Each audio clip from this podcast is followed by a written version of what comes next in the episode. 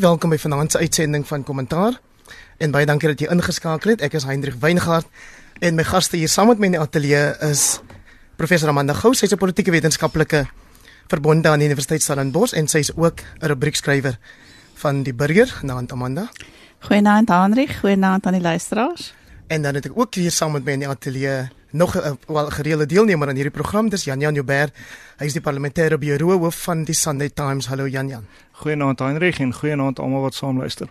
En dan gaan ons net op die foon weer probeer om vir Theo Venter in die hande te kry. Hy's 'n kommentaarveteraan, noem ek hom sommer, baie bekende politieke kommentator en 'n beleidsanalis verbonde aan die bestuurskool of sakeskool van die Noordwes Universiteit. En hy gaan saam met ons telefonies praat. Nou kollegas, ek vermoed julle brand om oor die plaaslike politiek en die nie inhegtenisname van Pravin Gordhan te praat. Maar kom ons begin vanaand se bespreking met 'n internasionale storie. Dit is die verdwyning van ehm um, vlug 804 van Egypt Air met byna 60 passasiers en 10 bemanningslede. Nou ek sou vir Theo Venter daaroor gevra het, maar Amanda Gous, kom ek vra jou. Ehm um, een van die eerste teorieë natuurlik toe hierdie vlug verdwyn het, was terreur. Ja, ek dink die ehm um, die feit dat dat daar ehm um, die vliegtuig baie vreemd gereageer het voordat hy net eenvoudig van die radar af verdwyn het. Ehm um, laat mense dink dat daar nie tyd was vir die vlieëniers om enige uh, enige hulp boodskap ehm um, uit te stuur nie. Daar's allerhande ehm um, beweringe uh, oor die oor die vlug, maar hoe dit blyk is dat hierdie vlug het um, van Charles de Gaulle af opgestyg. Hy het eh, 'n uh, hele klomp paar ander stoppe gemaak voordat hy um, oor uh oor die Middellandse See gevlieg het waar hy dan verdwyn het in die water. Uh en die ek dink een van die van die mees uh oortuigende teorieë op die oomblik is is dit dat daar wel 'n bom aan boord was. Die laaste ehm um, nuus wat berig is is dat die linkerkant van die vliegtuig ehm um, erg beskadig is en dat uh dat die uh, lugdruk in die kajuit so erg gedaal het dat die vliegtuig neergestort het. Um, hierdie vliegtuig het ook um, van tevore graffiti opgehad wat gesê het we'll bring this plane down. So daar's daar's mense wat natuurlik baie bygelowig is en dink dat daar een of ander komplot rondom hierdie vliegtuig is. Um, van die wrakstukke is gevind, ledemate van uh, uh, uh liggame is gevind. So ek dink ons moet nou net wag dat die die black boxes gevind word. Nou dat ons van vliegtye praat, um, is dit nou ook so dat um, in die plaaslike nuus het vliegtye vandag ook in nuus gehaal en wel met die minister van verdediging Nosiviwe Mapisa-Nqakula wat op 'n vlug vertrek het na die Demokratiese Republiek van die Kongo um, om 'n vriendin van haar te gaan help. Um, sy sê sy moes die um, minister van verdediging daarvan daai land gaan ontmoet 'n dag of so voor sy hom in elk geval sou gesien het in uh, Addis Ababa. Maar uh, dis 'n verskriklike storie daai. Dit gaan daaroor dat um, hierdie vriendin van haar familie, eintlik van haar suster, is nou 'n vrou van Burundi wat in die moeilikheid was. So Nosiviwe Mapisa-Nqakula, ons minister, se suster gaan toe en bekook heeltemal bedrieglike dokumente vir hierdie vrou, hierdie vriendin van haar. Um sy word toe gearresteer hierdie vrou wat wil reis um op die lughawe in Kinshasa deur die Demokratiese Republiek van die Kongo omdat sy totaal onaanvaarbare dokumente het, onwettige dokumente het, onwaar dokumente het. En um sy um wag toe nou maar daar in die tronk vir ons minister om op te daag en haar in te smokkel in ons land in met daai um dokumente opgekook deur Sissie. Um En die minister dink sy het niks verkeerd gedoen nie. Ek is verstom daaroor. Jan Jan Joubert, ek jy moet 'n bietjie vashou met daai storie want jy kan nou nou vir ons dalk 'n bietjie meer daaroor sê, maar ek dink ons het nou vir Theo Venter, is jy by? Ek is by julle oh, van, alles. Fantasties, nou maar baie welkom. Wil jy nie asseblief wil jy nie asseblief vir ons ehm um, vir ons sê jou indrukke oor hierdie verdwyning van die Egiptiese vlug Egypt Air 804? Ek sal julle graag vertel alhoewel Jan Jan se storie vir my interessanter klink, maar die dilemma wat ons hier het is van die begin af dink ek het mense te vinnig uh te gou um, gesê hier is terreur ter sprake. En ek dink een van die redes hoekom um, dit so belangrik was is dis in een van die mees intensiewe vlugroetes wat daar op die oomblik in die wêreld is. Dis oor die Middellandse See. En um, Egipte is een van die lande waar natuurlik 'n groot klomp van hierdie goed in die verlede al gebeur het Maar ek dink soos wat die soektog nou loop, die nuutste wat ek gesien het omtrent 'n uur gelede was dat um, daar al hoe meer twyfel bestaan oor presies wat gebeur het omdat die vlugbemanning um, rook gerapporteer het. Nou as jy rook rapporteer, beteken dit nie daar was 'n bomontploffing nie. So ek dink hier is 'n bietjie verstydig geskree en mens wonder nou as dit uiteindelik terreur is, dan dan is daar 'n absolute um, rede vir die ontsteltenis, maar as dit nie terreur is nie, wat was die doel van die Egiptiese regering om so vinnig terreur die skuld te gee vir wat waarskynlik 'n uh, gewone ongeluk tragies sou dit is, maar 'n gewone ongeluk was? Ja, Theo, dit lyk my ons het nou 'n probleem dat ons twee ander gaste jou nie kan hoor nie, maar ek dink ons probeer die gesprek die gesprek uh, voortsit. Ehm um, jy sê dat die Egiptiese regering self het die terreur opsie eerste genoem maar hulle het intussen ook gesê dat hulle alle teorieë soort van oophou as 'n moontlikheid. Jan Jan Jouber? Ja. Ja, kyk, ek dink op hierdie stadium soveel hoofde, soveel menings, ons weet nie. Um soos Amanda gesê het, um daardie vliegtuig het so vinnig van die radar verdwyn dat die normale um die normale maniere van kommunikasie om te sê dat die um vlug in die moeilikheid is dit nie plaasgevind nie. So um dis sekerlik moontlik dat dit wel 'n bomaanval was en um of dat iets anders baie vinnig moes gebeur het. Maar die tyd sal leer en intussen um is dit tog seker so dat ek is net bly ons is hierdie tipe terreur in hierdie stadium gespaar want Europa raak 'n al gevaarliker plek vir hierdie tipe van ding. Amanda Gous, wil jy iets sê oor die menslike aspek want ons sien nou die familielede van die slagoffers op televisie wat maar geen antwoorde het nie. Ja, ek dink dit is uh, in 'n sin ook soos die uh, die vlug van Maleisië en dit is toevallig 804 dae na die daai vlug verdwyn het wat hierdie vlug in die Middellandse See geval het, ehm um, wat bydra tot die die, die uh, bygeloof rondom die vlug. Ehm um, Ja, daar was 'n Britse geoloog um uh op die vlug en hy het 2 weke gelede het hulle 'n uh, 'n baba dogtertjie ryker geraak. So die familie is is absoluut um in in 'n baie 'n slegte toestand oor die feit dat hulle weet nie wat gebeur het nie en maar hulle weet ook dat hulle heel moontlik nie weer hulle uh hulle familie die die mense wat op die vlug was sal sien nie. So ek dink dit is dis 'n erg menslike tragedie wat hom afspeel en ek dink elke keer wat daar so iets gebeur dan raak die mense soos ek wat byvoorbeeld baie vlieg, jy weet, ek vra myself die vraag af. Hoe veilig is dit deesdae om om te vlieg? Want uh, enige iets kan op enige oomblik gebeur as as ons nie weet hoe te reer um gereguleer word en die feit dat hierdie vlug 'n hele klomp stoppe gemaak het, dra by tot die spekulasie dat daar miskien 'n bom aan boord gesmokkel kon word uh, in een van hierdie plekke waar dit gestop het. Dit wys jou net weer hoe belangrik is dit dat sekuriteitsmaatreëls jy weet behoorlik toegepas word. Ek dink in ons land waar die um sekuriteitsmaatreëls nogal sterk is, kan dit mens irriteer as jy baie vlieg, uh dat jy soveel tyd moet deurbring en dat hulle so deeglik is want dis eintlik baie steurend soms en mens voel elke keer soos 'n krimineel as hulle jou uitvra, jy weet, het jy die sak self gepak? Het iemand anders gekyk daarna? Wel, ek weet nie hoe hulle dit nagaan nie, maar in elk geval hulle probeer ten minste, maar dit is sodat op ander plekke in die wêreld, ek moes een keer van Dakar af vlieg wat nie eens gerekenariseerd was nie. Presies, maar hierdie die argument hier is dat die die as dit 'n bom was dat dit um aan boord gebring is deur die werkers, die mense wat die die bagasie in die lugruim plaas uh, in die in die bagasieruim plaas. En daar is is duidelik dat baie van die die turnover van hierdie uh, werkers is baie hoog. Hulle hulle werk nie lank nie, hulle kom en gaan en ek dink dit is baie moeilik om tred te hou as daar nie deeglike maatreëls is nie. Dit is nou 9 minute oor 8 ure op RSG 100 tot 104 FM en jy luister na kommentaar saam met my Hendrik Weingart en my gaste vanaand Theo Venter, Amanda Gous en Jan Jan Joubert. Nou Amanda Gous laas Sondag het die Sunday Times bronne aangehaal wat die koerant oortuig het die minister van Finansies Pravin Gordhan gaan van spionasie aangekla word en in hegtenis geneem word. Die valke het intussen aan die minister se regspan geskryf dat daar geen sulke planne is nie. Waarmee het ons hier te doen?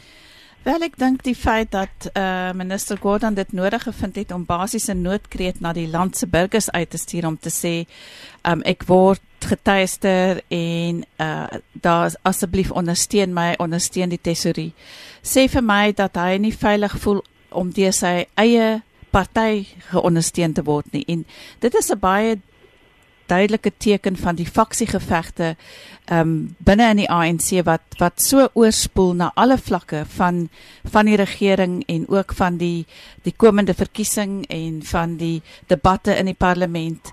Ehm um, wat basies stap dat die ANC glad nie in beheer is um, van van die faksiegevegte nie. Maar die tol wat dit eis op die land se politiek en op die land se ekonomie is baie hoog. Um toe toe hierdie berig verlede Sondag uh, verskyn het, het die rand onmiddellik begin daal. Um nou daar's ander redes ook, maar dit het bygedra.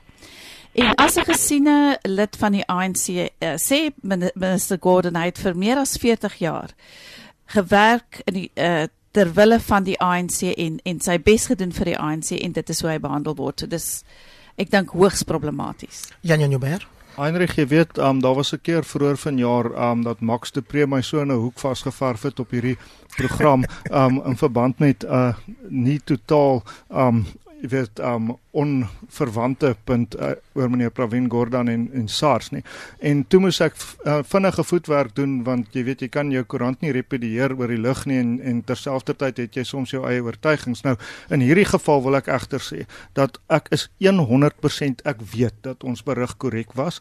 Um Eerstens um, omdat soos wat ek gesê het en soos wat ons volgende week verder sal neem, daai is kabinetsbronne op 'n kabinetsvergadering waar meneer Gordhan nie was nie. Hy moet daai kabinetsvergaderings begin bywoon terloop soos ek laasweek gesê het. Maar tweedens, um dat die inligting wat ons kry uit vakbondgeleedere is dat um as dit nie vir daai berig was nie, was hy uitgewees. Um die die tipe van frustrasie en um aggressie wat daai berig ontket net en negativiteit het hom het hom gered. En um as jy vandag rapport lees Jan de Lange se berig eerder as die hoofberig van City Press, dan sal jy sien dat um Jan en ek het kennelik dieselfde inligting en ek het baie vertroue in Jan de Lange. Maar wat sit die presse berig aan betref Heinrich, ek dink jy haal hom 'n bietjie verkeerd aan in dat die ehm um, Valke het slegs gesê dat geen lasbrief uitgereik is vir sy vir sy um in hegtenisname nie. Nou dis nie wat ons gesê het nie. Ons het gesê dis op pad en dit sou gewees het. Ek het daaroor geen twyfel nie. Nou nou sien jy presies hoe veil is hierdie geveg want dit is 'n geveg soos sit die pres daarom korrek sê vir die toekoms van die land. Dis die belangrikste politieke geveg in baie baie jare. Nou gaan president Zuma en sy mense, die Zooptas, en hulle gaan sê dat meneer Gordhan lei aan paranoia. Um met ander woorde hulle gebruik dit teen hom. Hierdie plan wat hulle teen hom gemaak het dis 'n baie gevaarlike plek op die oomblik en ek hoop net Pravin Gordhan um jy weet hou sy dinge bymekaar. Theo Venter, reken jy hy sal sy dinge bymekaar hou? Kyk, ons ons beleef 'n onhoudbare situasie op die oomblik. Dat ons net 'n bietjie perspektief gee. Ons het 'n kabinet, net een kabinet in die land. En op die oomblik speel hierdie speletjie om af in die kabinet waarvan meneer Zuma die voorsitter is en waarvan meneer Pravin Gordhan een van die belangrikste ministers is die minister van finansies het altyd saam met die minister van verdediging en 'n paar ander baie senior posisie in die kabinet. En dit is dink ek as mense van buite af inkyk op wat Suid-Afrika in, in in die gang is. Soos wat Standard & Poor's hierdie week sou gedoen het want hulle is in die land en soos wat ander institusionele beleggers doen, dan skud hulle net hulle koppe saam met ons en sê wat op die aarde is hier in die gang en ek dink Amanda is doodreg. Die politieke klimaat wat dit veroorsaak, skep die onsekerheid. En die onsekerheid vloei deur na provinsiale vlak toe, dit vloei dit vloei deur na plaaslike vlak toe. Ons het byvoorbeeld die onhoudbare situasie dat 'n adjunkminister uh minister Jonas op so 'n uh, direkte manier die president aangespreek het in sy verklaring dat dit amper on onverstaanbaar is dat hy nog in die kabinet is. En ek dink deel van die berigte Jan Jan is ook dat daar moet 'n kabinetskommeling kom, maar niemand weet presies hoe nie want dit lyk ook asof Gwede Mantashe en Cyril Ramaphosa aan die agtergrond 'n ander spel speel wat nie altyd so duidelik na vore is nie. Ja, ehm um, Jan Jan Joubert, Theo Venter sê nou en, en laat ek net herhaal ehm um, terwyl van die luisteraars ook die twee gaste in die ateljee kan ongelukkig nie hoor wat jy sê um, oor die foon die Theo, maar ek sal probeer herhaal ehm um, so goed as wat ek kan. En dit is uh, Jan Jan Joubert dat ehm um, Theo sê byvoorbeeld nou die, die, die laaste punt wat hy gemaak het is dat daar moet 'n kabinetskommeling kom, maar dit lyk net of mense nou nie weet hoe en en wanneer en en presies hoe om dit um, natuurlik te laat gebeur nie.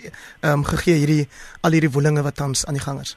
Ja, um, kyk, ek wil net vir die luisteraar sê, dis nou die dis nou die pret van regstreekse radio. So jy wen dalk met die onmiddellikheid van ons uh, menings en dit maak dit dalk 'n bietjie interessanter, maar partykeer is dit 'n bietjie van 'n uitdaging en vanaand is dit 'n bietjie van 'n uitdaging. Maar wat um die kabinetskommeling aanbetref, is nie nodig dat daar nou 'n kabinetskommeling moet wees nie. Dit is wel die absolute prerogatief van die president en dit maak my deesdae al hoe meer bekommerd want hy maak nie baie goeie keuses nie. Dink aan meneer Weekend Special wat ons gehad het vir finansies en hoe dit ons miljarde gekos het.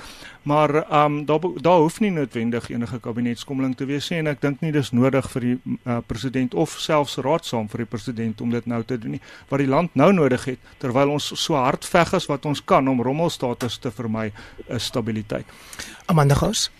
Wel ek is nie seker dat president Zuma uh, die die erns van die saak verstaan nie want hy maak nog steeds opmerkings oor oor die feit dat Des van Rooyen 'n goeie minister van finansies sou gewees wees het. So ehm um, ek dink wat ons hier sien uitspeel is die is die aanloop tot 'n verkiesing en uh, president Zuma mag dalk besluit om 'n paar van die ministers te verander ehm um, uh, voor die verkiesing.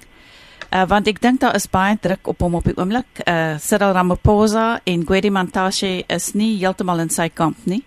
En ehm um, Zuma wil wil aanbly tot ek dink daar's daar's duidelike pogings om hom uh die president te laat gaan na die verkiesing. Ehm um, en ek verdink hy wil verhoed dat dit gebeur. So daar is allerhande uh, ek dink ehm um, goed agter die skerms besig om te gebeur om sy eie posisie te versterk en dit mag wees dat hy dan ministers wat hom uh, basies uh, nie ter wille is nie verwyder. Jan Jan Joubert, uh, daar was nou verwysing na Des van Rooyen die nou minister van ehm um, uh, plaaslike regering maar voorheen vlugtig minister van finansies. Ehm um, en natuurlik 'n uitvloeisel van daai hele uh, fiasco was dat uh, die naam Johan Rupert te sprake gekom het.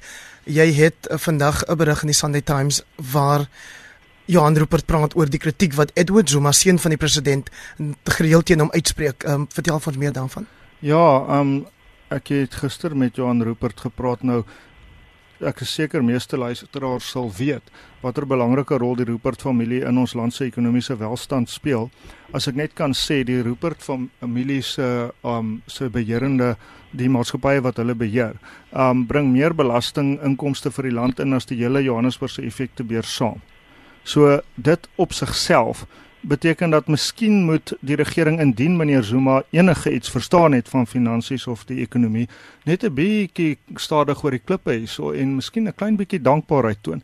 Wat jy eerder sien is dat die Zuma clan um in die persoon dan in die geval van die president se seun Edward is besig om telke male um uit te vaar teen meneer Rupert in hierdie spesifieke geval het hy Vrydag uit die blou lug uit uh bewering gemaak dat um meneer Rupert het die regstelsel van die land gekaap. Dit natuurlik nou terwyl pappa sê die president sê um jy weet ons moet miskien ander maniere vind om ons probleme op te los as die howe want die howe is nie Afrika manier nie.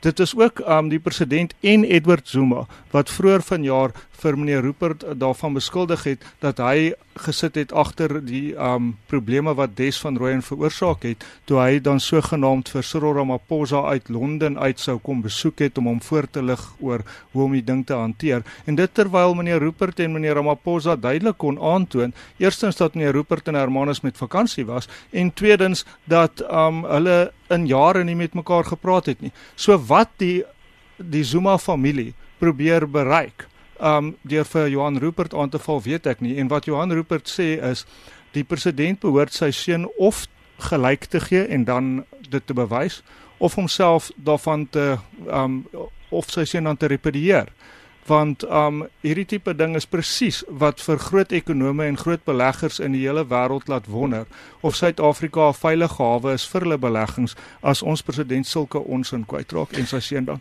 En deel van die die kritiek um, van Edward Zuma dan nou is dat ehm um, dit glo meneer Johan Rupert sou wees wat saam met Trevor Manuel voormalige minister van finansies en sy vrou Maria Ramos wat die hoof is van Absa en Barclays Bank daar agter sou sit dat die sluiting van die Gupta bankrekenings plaasgevind het. Ja, wel ek dink dis 'n manier om terug uh kritiek te lewer op die idee dat die Guptas die staat gekaap het want uh, die die onmiddellike reaksie van vanuit die Zuma kamp was en ook van die ANC vroue liga was dat dit die Ruperts uh, was wat die eintlik die die Kaap verantwoordelik is vir die kaping van die staat die die Ruperts en en groot uh kapitaal. So ehm um, so dit dit is 'n manier om te sê hulle aanvaar nie die idee van die Gupta se inmenging in in die kaping van die staat nie.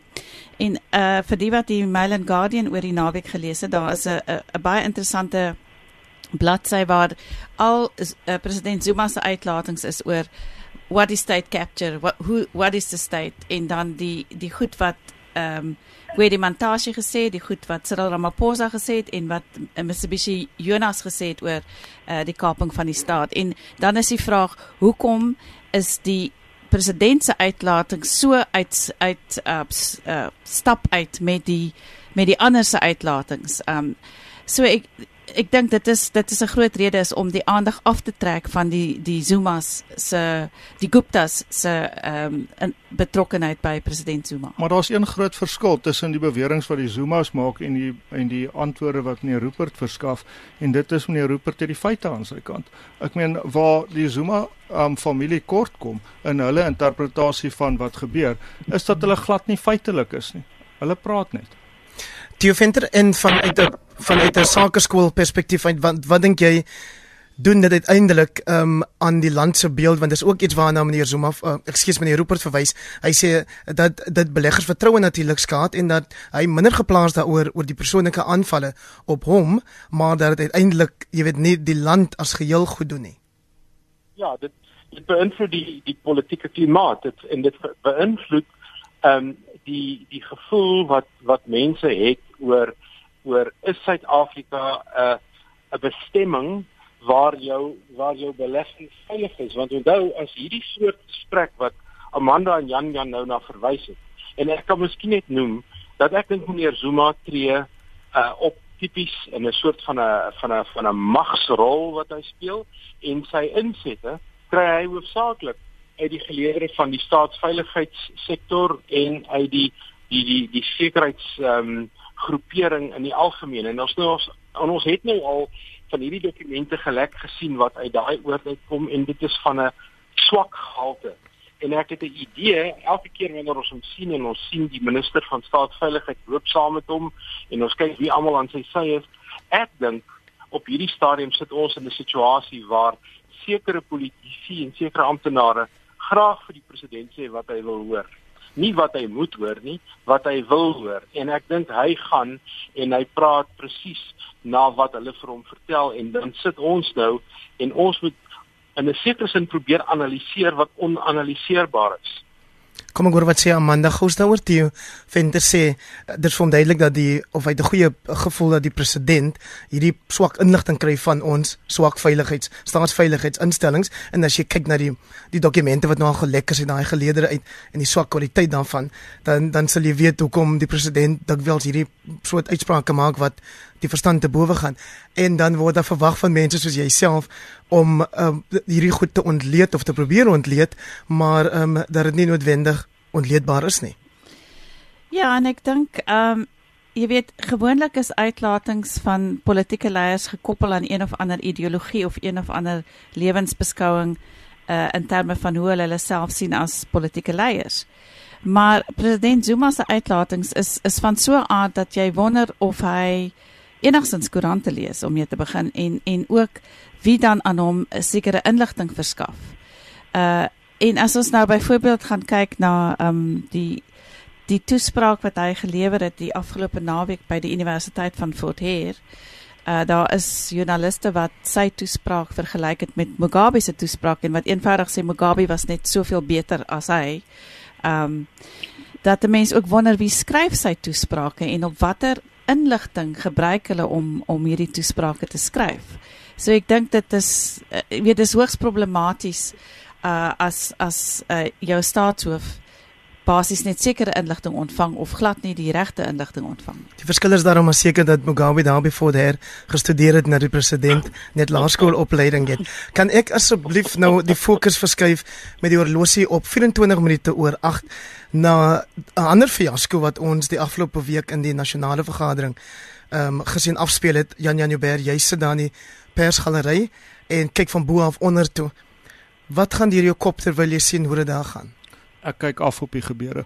Um ek ek meen ek vind dit net afgryslik wat wat gebeur. Um ons het nogmals geweldpleging in die parlement gesien um met die EFF LPs wat verwyder is nadat hulle raserig was. Um ek gaan nou 'n seksistiese opmerking maak Amanda. En dit is dat ek kan hierdie geweld teen vroue kan ek gewoon nie verdra nie.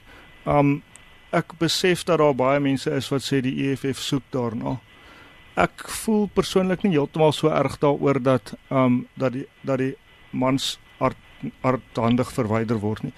En ek verstaan daai mense se argument wat sê dat hierdie vroue sê dan hulle is vegters ensovoort.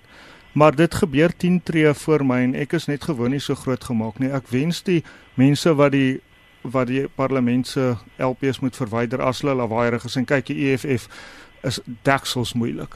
Um wil net 'n ander manier vind. Ek kan nie verstaan daai vroue wat vir die EFF in die parlement sit met die moontlike uitsondering van Slengwe Sloppie is nie eens sterk nie. Baie van hulle is redelik bejaard.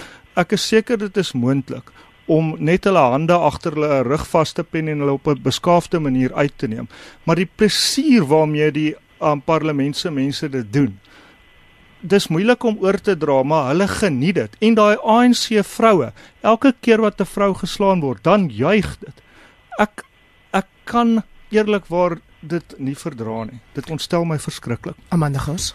Ja, wel ek ek neem aan dat baie van daardie vroue van die ANC boot aan die vroue liga en ons weet dat hulle beskouing van van geslagsgelykheid uh en hulle hulle ehm um, verdediging van die president in die gesig van geweldige uh, uh, geweld teen vroue is ehm um, soos jy sê afgryslik. Ek dink wat my bekommer uh vir die wel buiten die feit dat dat dit absoluut disgraceful is wat wat in die in die parlement gebeur is die feit dat daar ook van die EFF lede was wat op die galery was wat afgegaan het en en handby gesit het en die feit dat daar vandalisme was. Nou op daai stadium met Zuma se se leiwagte um rondom hom kom staan om hom te beskerm. Hulle is almal gewapen. Wanneer gaan hulle oor tot aksie? Wanneer skiet hulle, nê? Nee? Dit is die vraag wat ons moet vra die die mense wat nou die die EFF so hardhandig verwyder het is is daar's nou 'n groot debat en dit was in vandag se koerante uh, of hulle aktiewe lede van die polisie is. Want daar is mense wat sê hulle is en en daar is uh volgens die ANC het hulle bedank nadat nadat hulle aangestel is. Maar wie is hulle? Hoe hoe, hoe het hulle daardie posisie in die parlement? Um en en van wanneer af is dit basies normaal dat jy hierdie tipe van gedrag uh sien in die parlement. Ek meen die soos soos Jan Jan sê die EFF dra natuurlik by tot uh, bloot die feit dat hulle die um opdragte van die speaker ignoreer. Maar maar die die hardhandigheid um is dit werklik nie 'n plek uh, in die parlement nie. Ja, um jy weet destyds toe hulle hierdie hierdie um hierdie verwyderaars van die parlement ingebring het um het ons by die Sunday Times baie vrae gevra oor die aanstellingsprosedure. Da ek gaan nou vir julle sê daai aanstellingsprosedure was onwettig. Daai poste is nie behoorlik geadverteer nie. Mm. Daai mense is reguit van die um van die polisie se openbare orde eenheid af oorgeskuif. Hulle is net ander klere aangetrek, maar jy kan nie ou wyn in nuwe bottels gooi nie. Um so die punt daar is dat ek dink daai aanstellings was in elk geval glad nie wettig nie. So ons sal maar sien. Die parlement dink ek het absolute lat vir homself gepluk. Theo Venter die EFF het duidelik besluit dat hierdie taktik wat hulle uitoefen om die president um te probeer verhoed om te praat in die parlement, hulle gaan voort daarmee. Dink jy dit is slim? Ja, hulle dit is 'n doelbewuste strategie aan hulle kant om dit so moeilik as moontlik vir die president te maak en ek stem met Jan Jan saam oor die, die uitsmyters in die parlement. Jy weet die laaste uitsmyters waarvan ons gehoor het was toe Caesars nog uh, gewerk het en al hierdie vreemde georganiseerde misdaadmense. Mense assosieer eintlik uitsmyters met hulle. Maar ek dink die EFF sit hier op 'n mespunt ten opsigte van hulle strategie. Want aan die een kant kan hulle voortgaan om die parlement disfunksioneel te maak en hulle kry die voordeel daai dat hulle telkens media aandag kry, die koerante skryf daaroor, TV, radio, almal, maar anekdoties kry ek op die grond reeds mense, gewone mense wat sê ons kan nie as dit by verkiesingstyd kom vir sulke hooligans stem nie. Ouens wat nie eers basiese respek in die parlement het nie en dan is hulle ook half vies vir die president. Maar ek dink gewone mense begin ook 'n versadigingspunt bereik oor wat die EFF besig is om te doen. So ek dink hulle behoort ook na hulle strategie met groot groot oordeel te gaan kyk. Theo Ventermeen, Jan Jan Joubert en Amanda Gous, dat die EFF sit op 'n mespunt met met hulle strategie en hy dink hulle moet dalk herbesin daaroor want selfs gewone mense sê hy ehm um, weet begin te kyk na die EFF as 'n klomp barbare wil ek amper sê ehm um, en hulle vervreem potensiële steun vir hulle self op daai wyse. Ek stem nie saam nie. Um ek ek self um is nie in die mark vir hulle tipe gedrag nie en ek oorweeg dit nie om hulle te ondersteun nie. Jy weet die Engelse sê turkeys don't vote for Christmas. Maar um ek dink ons moet onthou wie die EFF verteenwoordig. En hulle groot bydrae tot ons parlement is dat hulle dit relevant gemaak het. Ons sit in 'n land waar daar meer as 500 munisipale optogte, um, met ander woorde protesoptogte 'n jaar is van mense na wie nie geluister word nie en wat so kwaad is dat hulle goed afbrand en goed um stikkend gooi en geweld pleeg.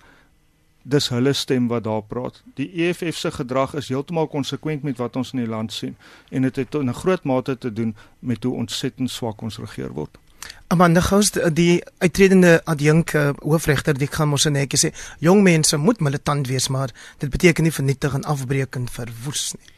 Daar was vandag 'n baie goeie um, artikel in die koerant van Domisani Slope wat wat argumenteer dat ons moenie verbaas wees oor wat ons nou sien nie want dit was nog altyd die tipe politiek wat die ANC buite die parlement bedryf het nê met die ANC jeugliga uh met hulle eie proteste en en dat dit ook ander partye soos die EFF het daai selfde taktik begin volg. En nou al wat nou gebeur het is dat dit nou binne in die parlement in beweeg het. En ek dink 'n mens moet daaroor dink. Um jy weet is dit is dit die sosialiseringsproses waardeur jong mense gegaan het? Die, meeste van die lede van van die EFF is jonk, die ANC uh, jeugliga.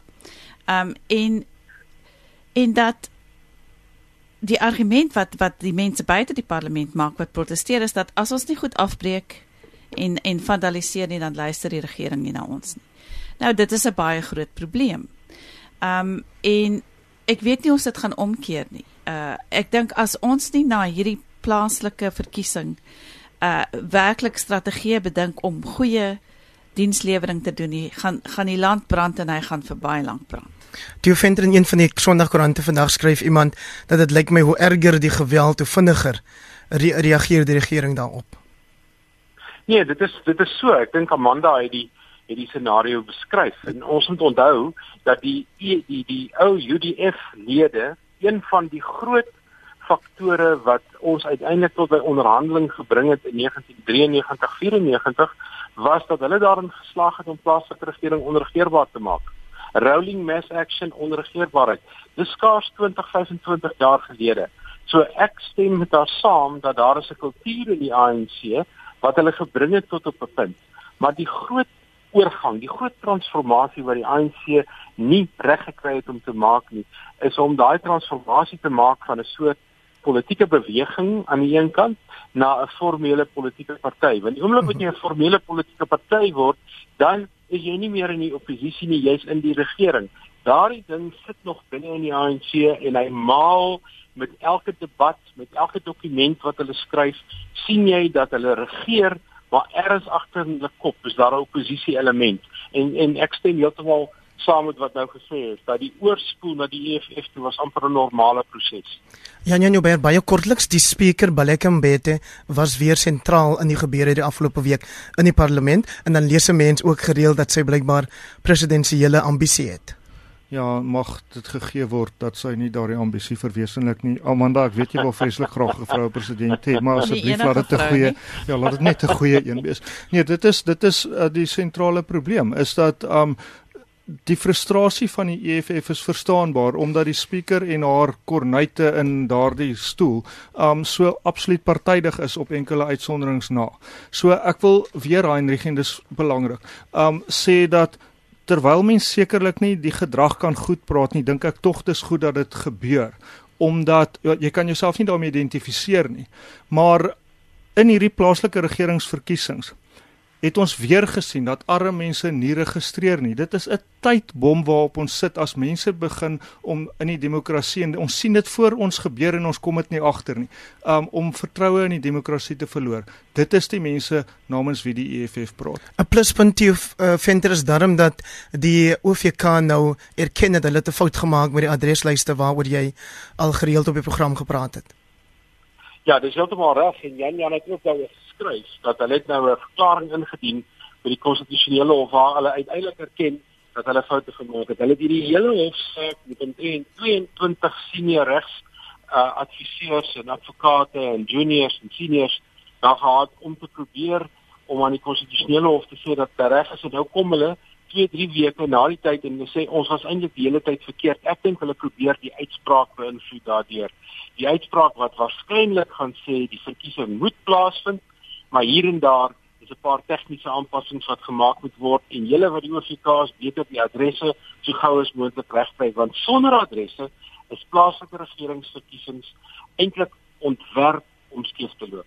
Sonder adreslyste is plaaslike verkiesings ontwerp om verkeerd te loop Jan Jenneberg wat sê jy? Ja. Ja, absoluut so en um en dit is ook wat die OVK nou erken het. Uh, dit is noodwendig. As jy nie kan nagaan waar mense bly nie veral in 'n plaaslike regeringsverkiesing laat jy oop vir korrupsie. En um ons het dit in die verlede al baie keer gesien. Daar was twee hofsaake daaroor, een die, die Abakolusi saak in Vryheid en die ander een is die Potchefstroom saak, uh, Klokwe saak waar Matthew sekerlik verwys het. Um en die punt nou is dat een van die dae sal uh, bitterlik binnekort sal die konstitusionele hof daaroor uitspraak lewer en dan sal ons sien dat die ehm um, dat die adresse wat van mense wat nie registreer sal moet korrek um aangewys word. Nou Amanda Gous terwyl dit so woes gaan in die parlement en die OVK se sake so die mekaar is, het twee meer voorbeeldige leiers die afgelope week hul uittredes aangekondig. Professor Jonathan Jansen wat einde Augustus uittreë as fisiekanselier en rektor van die Universiteit van die Vrystaat en dan ek het vroeër verwys na hom adjunk hoofregter Dikhan Moseneke van die Grondwetlike Hof. Kom ons begin by die aankondiging van professor Jansen. Wat dink jy is sy nalatenskap? Wel ek dink uh, mense is verdeel oor sy nalatenskap. Ek dink hy hy was die eerste uh nie wit rektor van van die Universiteit van die Vrye State wat ehm um, versoening as as sy maatstaf gebruik het en dis hoekom hy die Rydsvuur uh kwyt geskeld het. Uh, daar maar daar's juist mense wat wat hom daaroor kwaliek neem en sê dit nou nou as alles begin skeef loop in terme van die protes wat ons op kampus het, uh, weet nou tree hy uit of hy vat die pad en hy hy hy volvoer uh, volvoer die die uh, mandaat wat hy vir homself gestel het nie. So ehm um, Ja, ek dink dis 'n verdeeldheid. Ja, Janjo Berg het 'n onderhoud met hom gedoen vandag. Hy het gesê en hy hou vol daarmee. Ek het gesê net 7 jaar, dan is hy klaar. Ja, hy het op 'n stadium geskrywe, um as jy um langer as 7 jaar um in dieselfde werk sit dan jy 'n gebrek aan verbeelding. Um nou ek sit al baie langer as dit in my werk, so ek hoop hy's verkeerd. Maar ek dink 'n baie positiewe nalatenskap. Hy's nie altyd waardeer deur baie mense in die Vrystaat nie. Ek dink hulle gaan baie na hom verlang want ek weet nie wat hulle nou gaan kry nie. Theo Venter, kan ek jou vra om vinnig iets te sê oor Adjang Hoofregter Dikgang Moseneke? Ons het so 40 sekondes. Ja, hoofregter Dikgang Moseneke is die adjunk regter-president, adjunk hoofregter van die konstitusionele hof wat eintlik die hoofregter moes gewees het, maar vanweë politiek is hy daar nooit aangewys nie. Ek dink een van ons fynste juriste en een van die mense wat op ons konstitusionele hof daartoe bygedra het dat die konstitusionele hof vandag as een van die drie arms van die staat op en skouers skouers uitstaan bo die res.